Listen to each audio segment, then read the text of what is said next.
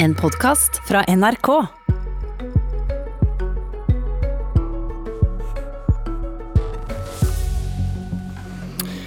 Setter Netanyahu nå siste spikeren i kista for restene av Oslo-avtalen? Med Trump i ryggen, et USA som sier de vil godta at palestinske områder blir en del av Israel, kom han med dette søndag. A couple of months from now, I'm confident that that pledge will be honored. Statsminister Netanyahu vil ta Jordandalen og deler av den okkuperte Vestbredden og gjøre dem til en del av staten Israel i løpet av noen måneder. Eller skal vi ikke tro på han?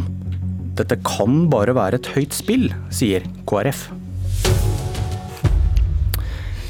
Velkommen til Politisk kvarter, som har litt å lære om åpningstrudelutter.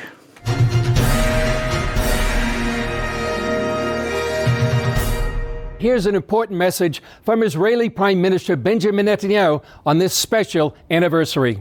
My dear friends, three months ago, the Trump peace plan recognized Israel's rights in all of Judea and Samaria. And President Trump pledged to recognize Israel's sovereignty over the Jewish communities there and in the Jordan Valley. A couple of months from now, I'm confident that that pledge will be honored, that we will be able to celebrate another historic moment in the history of Zionism. Netanyahu kom med dette i en 100-årsmarkering av San Remo-konferansen etter første verdenskrig, der det ble slått fast at jødene skulle få land i Palestina. Og USA har nå svart. Som vi alt har gjort klinkende klart, er vi klare til å anerkjenne israelske fremstøt for å utvide Israels suverenitet. Det sier en talskvinne ved det amerikanske utenriksdepartementet til AFP. Leder av utenriks- og forsvarskomiteen på Stortinget, Anniken Huitfeldt fra Arbeiderpartiet, god morgen. God morgen. Hva betyr det Netanyahu sier her?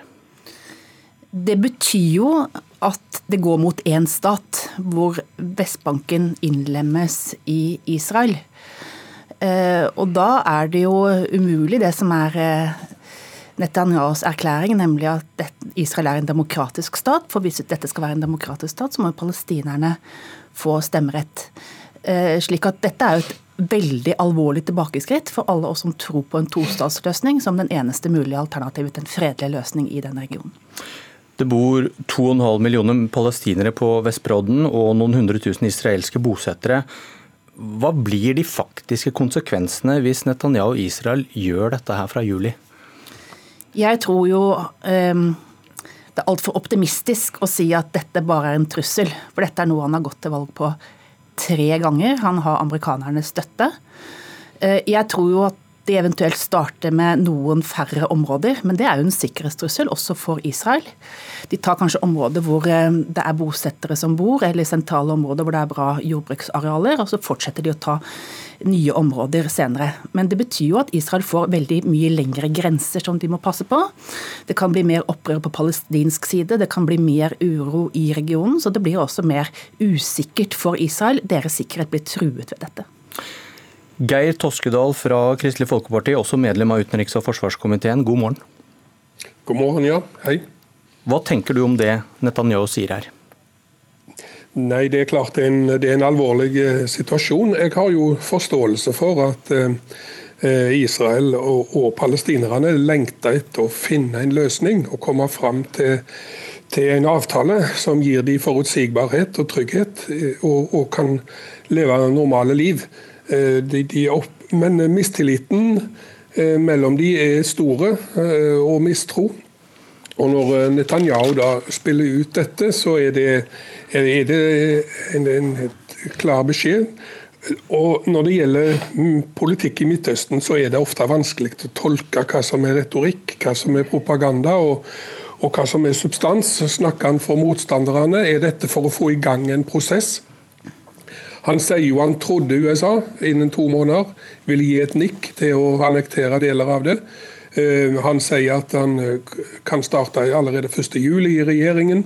Men samtidig så vet vi at det er Benny Gantz, hans kompanjong i denne regjeringskoalisjonen, han har jo kontroll over viktige departement der disse spørsmålene da eh, skal behandles. Og han har jo et annet ståsted enn Netanyahu.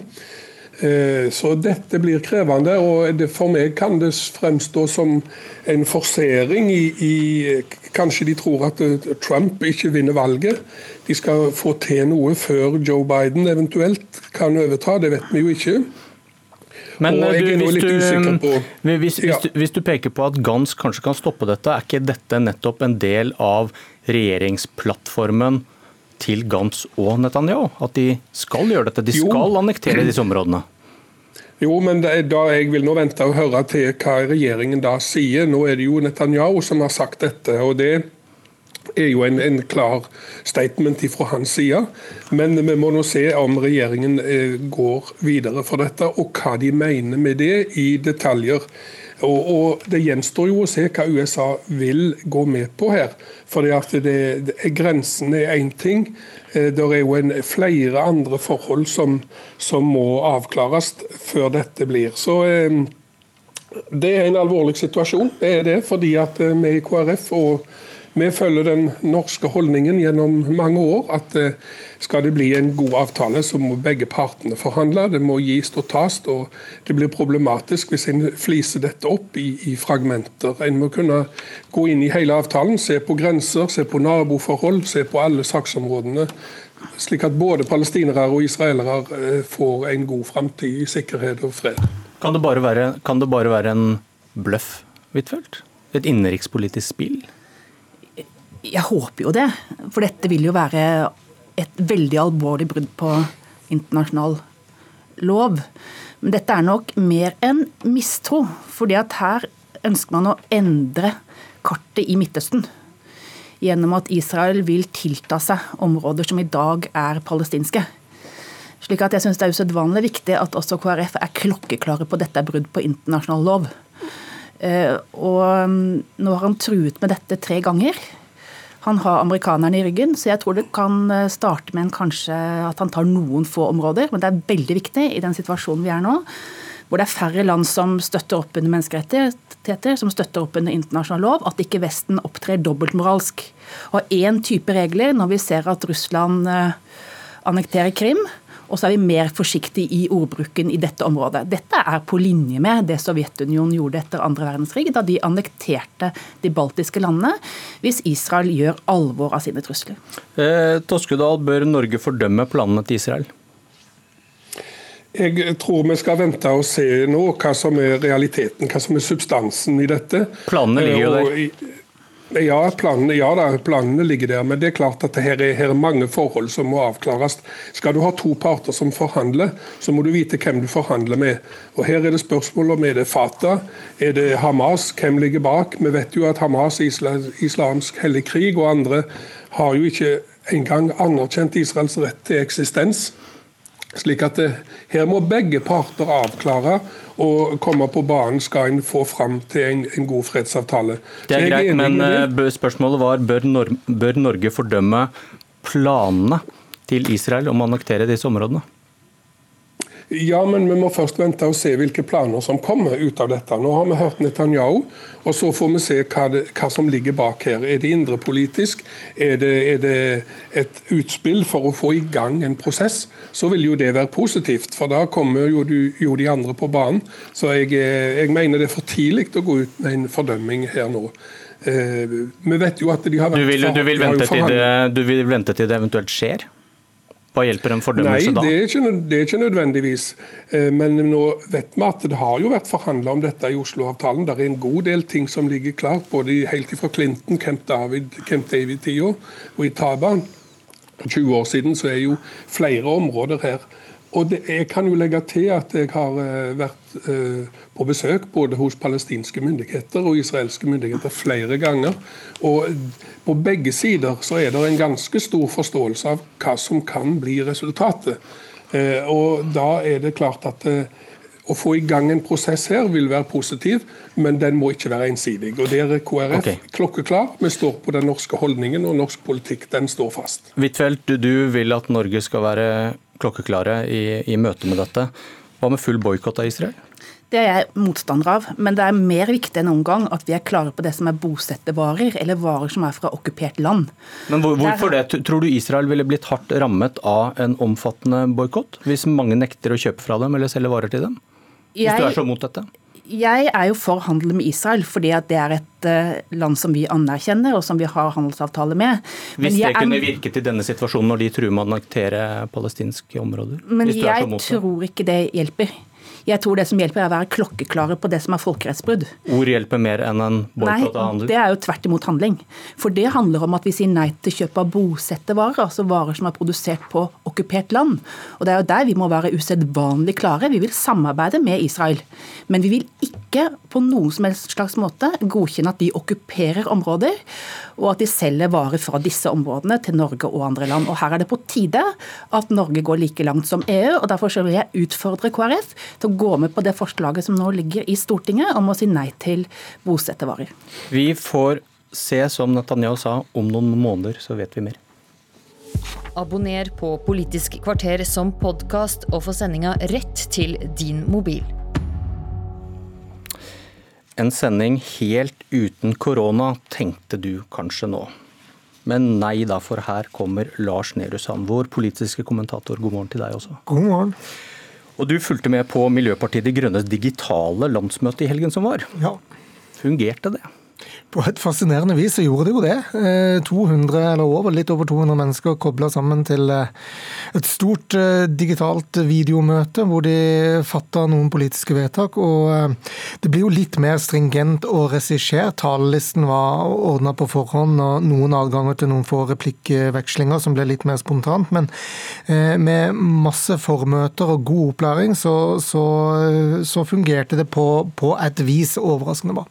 Men de gjennomførte altså et ganske ukontroversielt valg av partiledelse, der Une Bastholm nå er på toppen alene som partileder. Men hva hvis det var helt uavklart og kamp om viktige posisjoner? Hvordan hadde dette fungert da?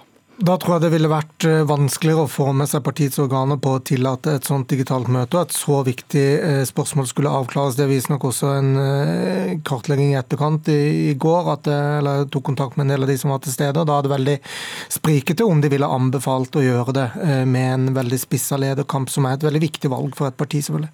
Ja, Hva er farene? Og Det ene er jo datasikkerhet i stort. altså Dette møtet kan bli hacket av noen utenfor. De valgte en, en tjenesteleverandør som, som, har måttet svare på en del sikkerhetsspørsmål. Det er en del norske bedrifter som ikke vil bruke den løsningen av den grunn. Eh, og så er det selvfølgelig at noe kan gå galt med på, på, et brukernivå. Folk kan få problemer med nettverket sitt hjemme, og hva hvis de ikke får stemt, og det er en avstemning med, med to-tre stemmers eh, margin. Det kommer klager i etterkant og osv. Hva, hva kan skje da? Når man skal se litt større på det med elektronisk valg i, i på en måte stortingsvalgsammenheng, så har man jo også problematisert Vet man hvem som faktisk trykker på knappen? Vet man om den personen påvirkes eller trues av noen i den fysiske nærheten til denne personen eller ikke? Det er jo litt, litt større spørsmål, men likevel noe å eh, reflektere rundt. Og da spørsmålet i forlengelsen av det vi sitter og snakker om nå. Hva gjør de da, partiene, hvis vi om ett år har et samfunn der vi må holde avstand, det er forbud mot større forsamlinger, fordi vaksinen mot viruset er mange måneder unna. Og det er stortingsvalg om noen måneder. Ja, Det er krevende for alle partiene. Jeg snakka med mange som nå ikke helt vet hva de gjør, og ikke har stort lenger horisont avklart enn frem til sommeren. Én ting er de daglige møtene i, i, sentralstyrer og landsstyrer, hvor det er litt spesifikke personer som ofte snakker sammen, kjenner hverandre godt og er vant til å bruke videomøter slik man gjør i manges arbeidshverdag eh, nå for tiden.